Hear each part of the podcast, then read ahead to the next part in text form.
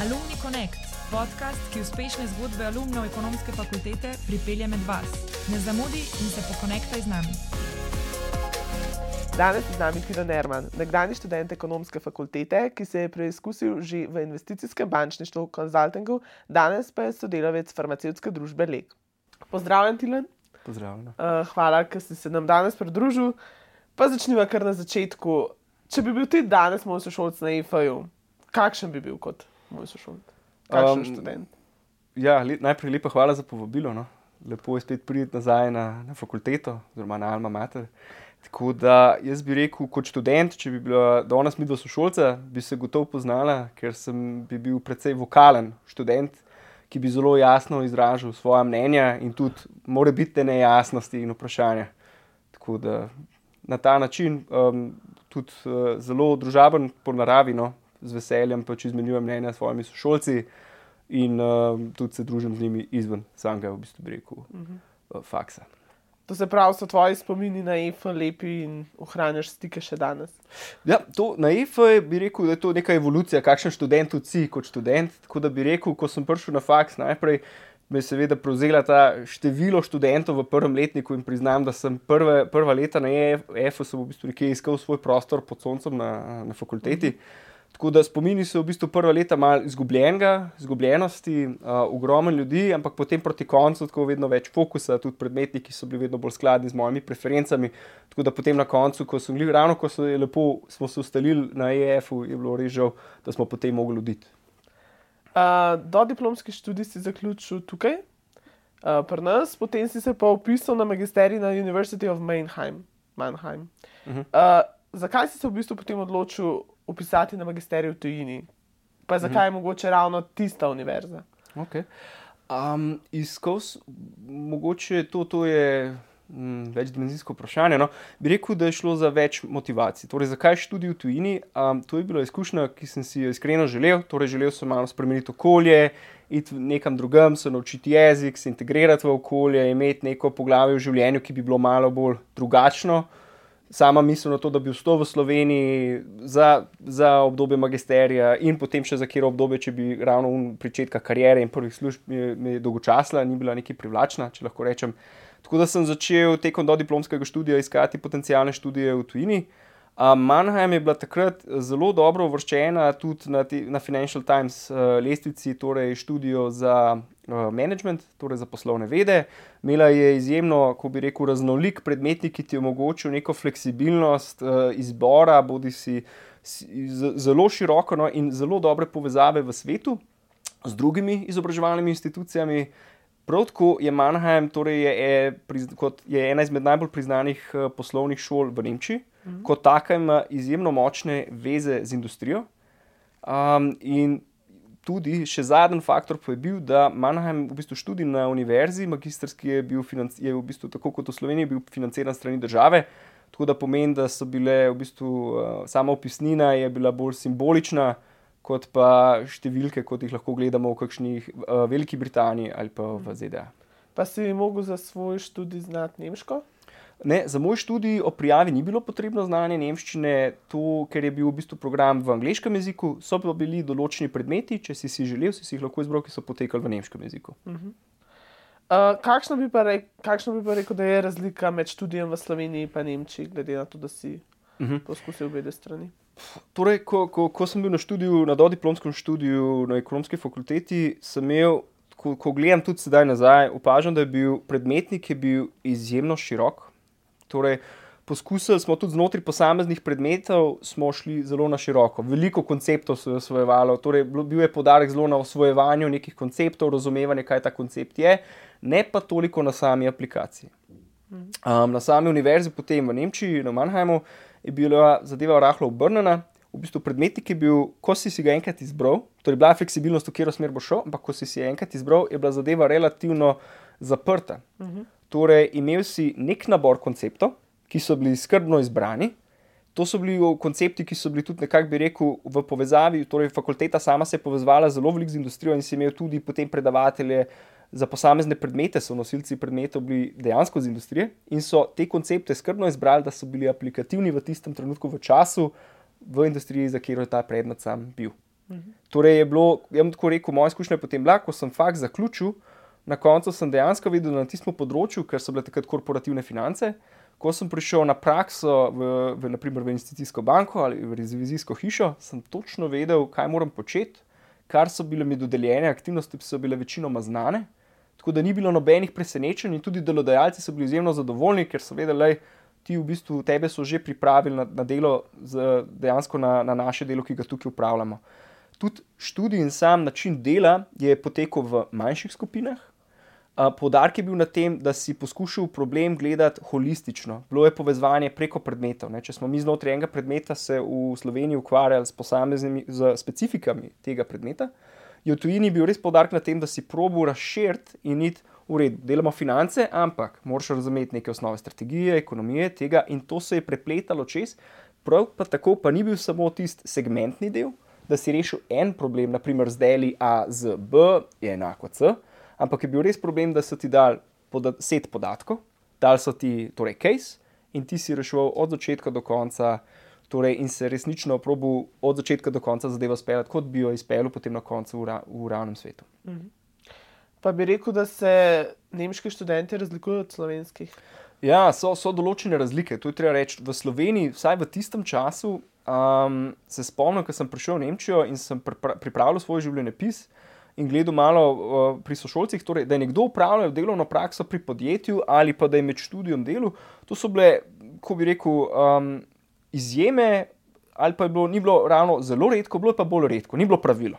Ni bilo pravilo, da so vsi delali že v, že v prvem, takoj po prvem, prvem letniku prakse, tam pri izbranem delodajalcu, nabirali izkušnje in zelo cilj usmerjeno v bistvu delovali, da so že na, tekom do diplomskega študija že pripravljali se na svojo torej želeno kariero.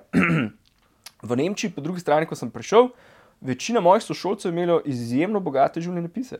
To so bili ljudje, ki so že takoj po srednji šoli šli, mora biti neki delati za eno ali dve leti, ker včasih je Nemčija imela politiko ali si A, eno leto šel v vojsko, torej na obvezni vojaški rok, ali pa B, si delal socialna dela, torej v družbi. Ne.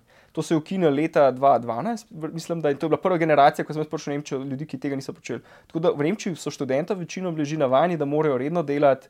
Bilo je tudi več priložnosti na sami fakulteti in industriji, da so ljudje delali. Tako da je bilo nekaj čist normalnega, da si nekako združeval faks z skoraj tako nekim polovičnim rednim delom. No?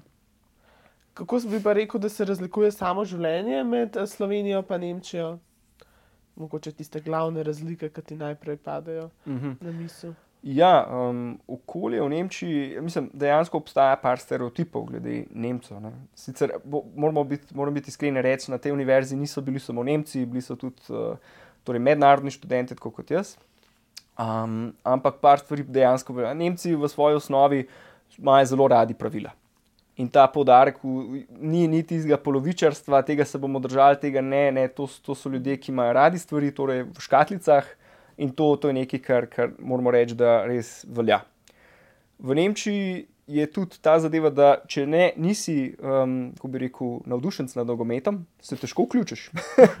Jaz sem dejansko imel med faksom na trenutke težave s tem, ker nisem bil velik navdušen nad nogometom, ker to je bil redni socialni dogodek, ki je bil družine s prijatelji ob nogometu. In po možnosti sledenja štirim tekmam naenkrat po televiziji, med preskakovanjem med kanali. Tako da to, to bi bilo nekaj tajnega. Tretja zadeva, ki mi je bila pa zelo zanimiva, je pa Nemce sem res precepiral kot popotnike. Torej, ko, ko, ko gledamo, naprimer, Slovenci, sami sebe vidimo, da smo ljudje, ki radi gremo naokol. No, pri, pri njih je bil ta vtis še toliko večji. Normalno je bilo iti v Ameriko, iti po svetu in uh, so zelo, tako bi rekel, uh, popotovalni tip ljudi. Presenetljivo. Si pa tudi ti že v bistvu v času študija si um, nabiral različne izkušnje no? uh, in upravljal različne študentske prakse. Kje vse si bil, pa kakšne izkušnje si, si nabral? -huh. Torej, na začetku študija sem začel s temi, ko bi rekel, priložnostmi deli, od udejstvovanja kot sodnik pri tenisu do nastopanja v kakšnih predstavi, treniranja otrok in tako naprej. Um, potem pa, ko pride do nekih bolj zadevnih izkušenj, potem tudi za naprej, sem pa začel z delom v podjetju, lokalnem podjetju Magneti Ljubljana. To je srednje veliko podjetje, ki, so, ki je proizvajalec torej, trajnih magnetov za avtomobilsko mm. industrijo, predvsem. In tam sem začel v bistvu različne stvari, od dela v proizvodni do kakšne administrativna opravila za vem, pripravo kakšnih marketinških gradiv. Potem pa, ko sem šel enkrat v Nemčijo in si nekako tudi sam ustvaril vizijo, v katero smer želim iti, sem pa imel najprej prakso v podjetju EY, takrat Ernst Young, uh, v revizijski hiši, torej najprej na področju same revizije, potem pa na področju finančnega svetovanja in to so bili neki moji prvi koraki. Uh, dejansko v ta uh, svet poslovnih financ uh, in tudi uh, spoznavanje, malo bolj kako delujejo nekakšne multinacionalke, kako tudi razvijajo svoj kader. Kako, in sem bil izpostavljen sem tem treningom, je bilo zelo zanimiva izkušnja. No? Uh, na to, potem sem imel naslednji korak, sem šel v investicijsko banko v uh, Unicredit, torej, ki ima svoj sedež uh, torej, uh, v Münchnu, v ne, za Nemčijo, sedež je v Münchnu. Tam sem delal na področju najprej prevzemov in združitev, sem napravil eno prakso, na to pa sem še eno prakso upravil na področju financiranja investicijskih skladov. To je bilo dejansko tist, moja želja, takrat je bila postati investicijski bančnik. No? In to je bilo tistih 8-9 mesecev, ko sem preživel v Münchnu pri banki, sem resnično spoznal svet investicijskega bančništva, od življenjskega stila, ker to je življenjski stil, ti si v službi, si dejansko od jutra do polnoči in si tam od ponedeljka do petka, je resnično tempo življenja je, je, zelo, je zelo zahtevano. In istočasno pa je bilo odlična izkušnja spoznati tudi eh, z različnimi orodji, se pogledi, uporabiti znanja iz fakultete v praksi. In, uh, tako da to je bila tudi ena izmed super odličnih izkušenj. Po osmih mesecih se je pa prišla nekakšna življenjska odločitev, zdaj ali boš ostanem v tem svetu in grem v Frankfurt. Sem dobil ponudbo, da bi šel delati za en sklad zasebnega kapitala. Istočasno pa se mi je ponudila opcija, da pridem nazaj v Ljubljano, podjetje, ki sem ga prej omenil, Magneti Ljubljana, ki so iskali nekoga mladega, da bi jim pomagal s projekti, uh -huh. z vodenjem projektom. Za digitalizacijo takrat, pa še na nekaterih drugih področjih. In priznam, da po osmih mesecih investicijskega bančništva si tega iskreno nisem želel več. Manjkal je ta stik med ljudmi, torej je bil bolj zelo analitično delo, ogromno branja in tabel. Uh, Mhm. Manj pa ta medčloveški stik, nekje ven iz pisarne in obiskovati podjetja. No? Tako da in potem sem se vrnil v Slovenijo. Uh -huh. uh, pa bi si želel mogoče še kdaj iti v tujino, zdaj, ko si poskusil to? To je iz različnih vidikov. Ja, to je vedno zanimiva, v bistvu zanimiva izkušnja. In tudi nikakor je nisem pospravil v kakšen predal in rekel, da je ta zadeva za mene zaključena. Seveda je zadeva malo bolj kompleksna, ko imaš še enkrat družino in otroke. Tako da iz tega vidika je to nekaj, kar bi potencialno bilo zanimivo, ampak seveda treba to vse usklajevati zasebno in, mm. zasebno in, druži, mislim, in pro, uh, profesionalno življenje. No. Mm -hmm. Uh, kot si že omenil, potem ko si se vrnil v Slovenijo, si šel na področje projektnega managementa, project manager mm -hmm. najprej. Uh, kako si v bistvu se lotil tega izziva, da si pridobil vse izkušnje prej iz um, korporativnih financ, pa investicijskega bančništva in tako naprej, potem v neko novo vlogo. A si lahko si s tem že kaj pomagal, si se lahko na novo znašel, kako si se soočil s temi izzivi. Um, ena izmed stvari, ki je definitivno pomagala, je bilo to, da sem imel zelo dobro razvita urodi, analitična urodja, s katerimi sem lahko relativno dobro uh, upravljal s podatki, ki so mi bili dani na razpolago in s katerimi sem lahko potem komuniciral zgodbo tudi svojim, ko bi rekel, deležnikom organizacije, v kateri sem delal bi rekel, da gotovo nisem imel vseh potrebnih veščin v tistem trenutku, ko sem, se, ko sem začel uh, na tem delovnem mestu. To je bil tudi tisti proces uh, učenja, resnično spoznavanja podjetja in razumevanja, kdo so deležniki, kakšne so kakšne kulture, kakšne so zahteve, kakšna je tehnologija v ozadju, da lahko imaš nek resen dialog s svojimi deležniki v podjetju, potem ko delaš na projektih. No. Tako da, da bi rekel, da sem prišel zelo, popolnoma opremljen za delovno mesto, bi, bi, bi bila laž. Ampak kljub vsemu se tukaj nisi ustavil, si potem čez nekaj časa šel pa na novo, mogoče novo v karierne poti v Kerni. V etikarni. Ja. Ja. Mogoče predtem bi rekel, jaz sem vodil, delal kot projektni vodja eno leto v tem podjetju, uh mhm. -huh. potem je direktorica nabave je odšla, ko, mi smo del, del, vodil sem SAP implementacijo v tem uh mhm. -huh. podjetju. Direktorica nabave je takrat, uh, s katero smo zelo tesno skupaj sodelovali pri implementaciji samega programa, je takrat bolela in je rekla: Le, ti poznaš ta program, ne? Mogoče najbolj za te štiri mesece, ko meni, da ti tudi prevzameš vodenje ekipe. Bile so to uh, tri gospe, pa še par kolegov v skladišču. Sem rekel: V redu, jaz sem odprt za ta izziv, sva naredila neko primo predavanje in sem potem dve leti nekako deloval. Kot najprej štiri mesece, potem pa je prišel mail, se upravičujem, jaz sem se odločila, v bistvu, da odidem v drugo državo. In je da, gospa dala odpot in se rekla: Dobro, ti le štiri mesece si že delal, mogoče pa najbolj, da ti to kar zdaj prevzameš. Nisem nekih problemov ni bilo in je bila priložnost mi dana, tako da sem dve leti deloval kot direktor nabave za to podjetje. Na kar je, gre za srednje veliko podjetje, tako da nekih možnosti za rast ni. Mhm. Tudi, uh, ko bi rekel, materija je relativno omejena, torej na nekem področju, ko enkrat stvari usvojiš, priznam, da takrat sem bil nekje uh, star 27 let in sem imel še zmeraj tisto željo, da bi se še kaj naučil, da bi še -huh. kaj mhm. videl. In tako je tudi prišla potem ta ideja za, ko bi rekel, strateško svetovanje. No. Pa če se samo za hip vrnemo nazaj, me zanima, ko si omenil, da si postal zadolžen za vodenje ekipe. Ja.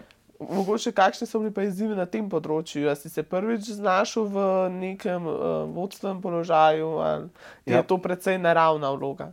Mm, bom tako rekel, nimam, da bi, to je definitivno bil, bilo nekaj novega. Uh mhm. -huh. In gotovo so bile določene zagate, kjer nekdo, ker imaš opravka kot uh, 25-26 letnik z ljudmi, ki so v podjetju po 15 let, to so ljudje, ki imajo bistveno več delovnih izkušenj kot ti, razumejo stvari, imajo neko um, preteklost razumejo kontekst. In v tistem trenutku priznam, da največji, največji izziv za me je bil, da se kot mlad profesionalec zaradi tega, tega ne ustrašim. Da rečem, tudi če imaš izkušnje, to, kar imam jaz zapovedati, je še zmeraj zadevno, to ne spremeni, torej tisto, kar jaz potem v katero smer želim iti, da je to manj legitimno, tega, če si mlad človek. Tako da mislim, da ta v bistvu problem sem jaz bolj imel pri samem, v samem sebi ne pa toliko samo delu z ljudmi, s katerimi mm. smo se potem zelo dobro proti koncu ujeli. No, pa se potem vrnimo nazaj na tvojo uh, pot konzultinga. Mm -hmm. Kako, zakaj ta smer? Torej, ko, ko, sem, uh, ko sem zaključil investicijsko bančništvo, sem nekje si rekel, ne želim imeti uh, službe, ki je samo strogo analitično delo s podatki, želim imeti stik z ljudmi. Uh, želim biti izpostavljen realnemu sektorju, spoznavati podjetje, razumevati njihove izzive in jih probati rešiti. Um, investicijsko bančništvo je usmerjeno na eno nišo, strateško svetovanje je pa takrat ponujalo v bistvu ravno to možnost, da ti um, pristopiš v neko podjetje, spoznaš njegovo delovanje, uh, se spoznaš pobliže s problemom, ki, ki to podjetje pesti in delaš skupaj znotraj svoje ekipe kot svetovalec, in pa ekipe na drugi strani, da te probleme rešiš. In je nekje združval elemente, ki so meni bili zelo blizu. Bili so v bistvu to dejansko analitika, delo z ljudmi, spoznavanje nečesa novega. In to je res bila priložnost, jaz sem to percepiral, ko sem se prijavil resnično kot neko priložnost za učenje, za nek razvoj, za nekaj, kar bi bilo v bistvu investici, investicija za prihodnost. Mhm. Koliko časa si pa potem ostal na tej poti? Ustal sem dobri dve leti. Mhm. Dve leti. Tako da znotraj tega je resnično, no, ko sem se enkrat pridružil, se je zadeva resnično izkazala, tako kot sem si nekako predstavljal, da bo. Um, tako da dve leti sem imel možnost potovanja nekje, bi rekel, po regiji, spoznavanja različnih uh, torej, uh, voditeljev podjetij, menedžerjev. Torej, Uh, v Sloveniji, v okolici, v regiji, in je bilo res zanimivo to delo, v bistvu biti izpostavljen tudi odločevalcem na najvišjih inštancah, tako tudi v državnih inštitucijah v regiji. Tako da je bilo za me bilo nekako to spoznanje, imeti pogled v ta svet, razumeti, kako deluje, kako se stvari naredijo, odločajo. Je bilo nekaj zagotovo, kar mi je, mi je izjemno koristilo potem na nadaljni, torej, um, na nadaljni karjerni poti. Istočasno je pa to poklic, ki zahteva celega človeka. -hmm. To ni poklic, ko prideš v službo ob 8 in se štemplaš ob 4 in greš domov in pozabiš na službo. To je poklic, ki je od, lahko bi rekel, 24 ur, od ponedeljka tudi do nedelje. To pomeni, tipičen teden bi izgledal tako, da smo v ponedeljek šli nekam določeni stranki in smo bili tam do četrtka petka. In smo, delovne ure so bile tudi temu primerno dolge, Tako in dejansko je to bil poklic, ki ti ni ravno omogočil dobro združevati zasebnega, mislim, zasebnega in uh, strokovnega, oziroma uh, profesionalnega življenja. Uh mhm. -huh. In to je neka žrtev, ki jo moraš biti pripravljen tudi uh, dati, če želiš v tem poklicu potem uspevati. Zdaj, po dveh letih sem takrat imel uh, že uh, dolgoletno partnerko. In je bila pač, sva se pogovarjala, torej, da če želiva katero spremembo v življenju, smo gotovili, da je ena izmed stvari, če želiva karkoli napredovati v najnem odnosu, da je ena stvar gotovo, kar ne pomaga, je dejstvo, da sem jaz vse čas odsoten od doma. Mhm. Tako da je potem nekje prišlo do te odločitve, zdaj pa ti se odloči, želiš o, o, novo partnerko in ostati s to kariero, ali želi spremeniti kariero, mora biti, pa gremo mi razvijati še kakšne druge aspekte v najnem življenju. Mhm. Tako da takrat za meni je bila odločitev jasna, no, sem rekel, v redu. Dve leti je tudi neko lepo obdobje, bilo, pa je bilo nekaj zelo poučnih projektov in sem tudi rekel, redu, tukaj naprej. En del smo se naučili, marsikaj je še ostalo, seveda na mizi, ampak sem rekel, je dovolj, da se počutim izpolnjenega, je dovolj, da sem izkusil, da lahko rečem, da sem to, to izkušnjo imel in da grem lahko naprej. Mhm.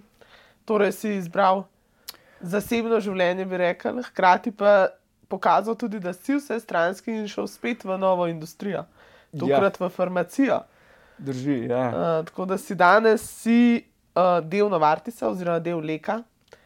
Um, Opiši nam malo, kaj, kaj so tvoje zadolžitve, kakšno je tvoje delovno mesto, uh, kako izgleda tvoj vsakdan v uh mhm. -huh. novi službi v oziroma v novi industriji. Uh mhm. -huh. Ja, to, to, to je bila zelo zanimiva, mislim, zelo tako zanimiva zgodba. No? Bi rekel, uh, ker dejansko je res zahtevala iti iz nule, postaviti vse. Uh, v lek, takrat uh, v Novartisu v Sloveniji sem bil, takrat, ko sem prišel, sem najprej prišel kot vodja indirektne nabave za proizvodnjo za. za vzhodno evropsko regijo, s poudarkom na Sloveniji, kot največji državi v regiji. Um, in dejansko se je bilo potrebno začeti iz, iz ničle, iz ničle, res od začetka, ugotoviti, kaj sploh podjetje uh, počne, kaj so ključne stvari, s katerimi se ukvarja, kdo so osebe torej na posameznih lokacijah, na katere se moraš obrniti, da lahko z njimi sodeluješ, in tako naprej. Zdaj, v tej vlogi, takrat kot vodja indirektne nabave za, za, za vzhodno evropsko regijo, je, je, bilo, je bil podarek na upravljanju, torej nabavnih procesov za kategorije kot so gradbeništvo, torej investicije, proizvodna oprema, upravljanje nepremičnin, energenti, laboratorijska oprema in tako naprej. Torej, smo se ukvarjali znotraj, smo, moja zadožitev takrat je bila optimizirati v bistvu nabavne procese in optimizirati tudi um, stroške za nabavo za indirektne torej, materijale in storitve, ki smo jih imeli. Um, to nalogo sem nekje počel dve, dve leti in pol, in šlo je načeloma vsak dan, ki je izgledal tako, da smo, ko bi rekel, imeli smo projekte, ki smo jih pripravili skupaj z globalom. Mhm. In smo jih poskušali, in potem do vsake proizvodne lokacije, oziroma našega deležnika lokalno, preveriti, ali ta projekt lahko lokalno implementiramo, kako. Šli smo potem pa tudi z druge strani, šli smo do proizvodnih lokacij, vzeli podatke, smo pogledali, da vi kupujete to in to in to in to kako lahko mi te stvari spremenimo, kako lahko kaj naredimo, bodi si na strani dobaviteljev, tehnologije, neke čisto popolnoma inovativne rešitve, da bi to zadevo drugače delali, oziroma z nižjimi stroški. V osnovi je šlo za povezovanje.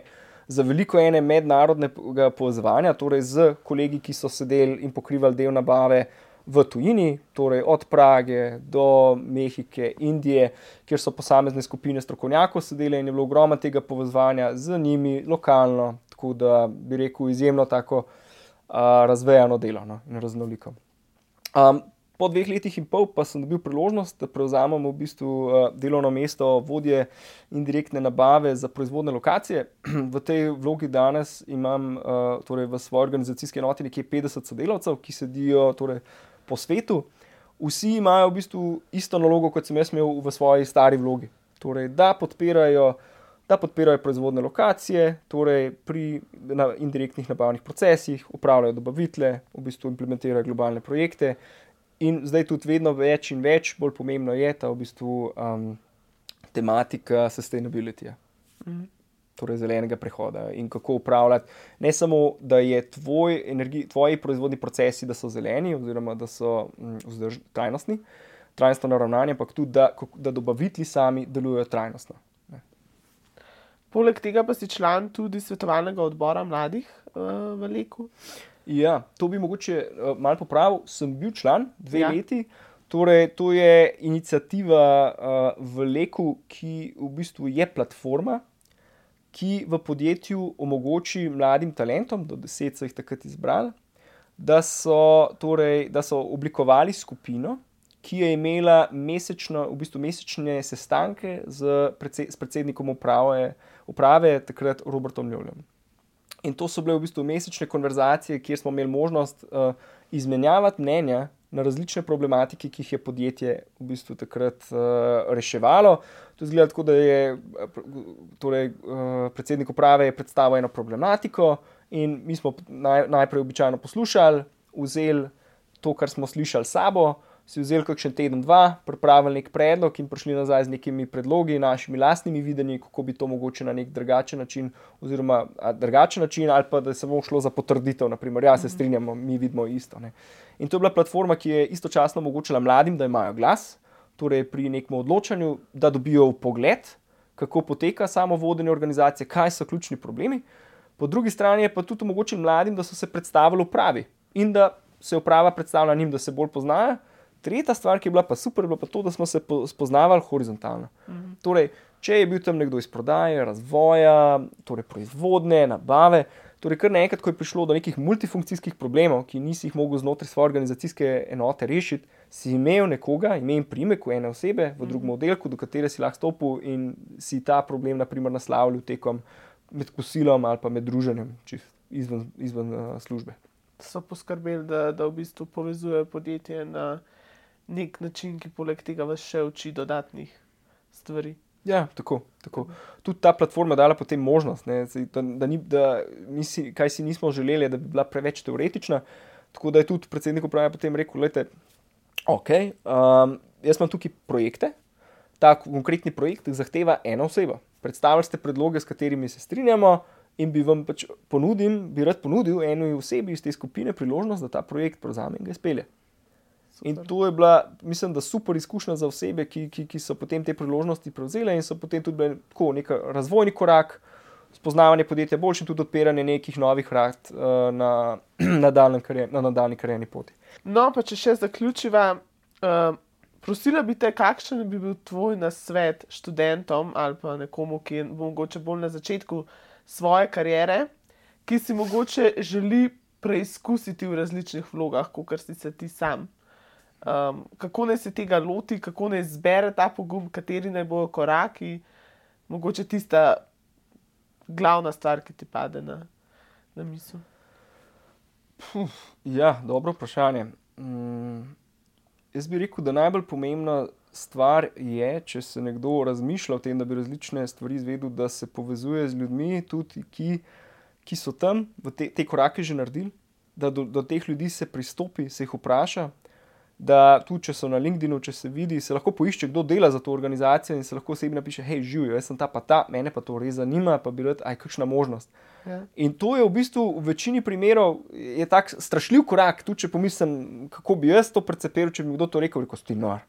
Ni šans, ne, ne, ne bomo jaz zdaj tukaj nekomu pisal prek interneta, ampak dejansko tudi zdaj, ko, ko smo, zdaj, ko sem eh, tudi sam v takem položaju, da me kdo kdaj kontaktira, lahko odprto rečem, da mi je najbolj tudi meni osebno všeč.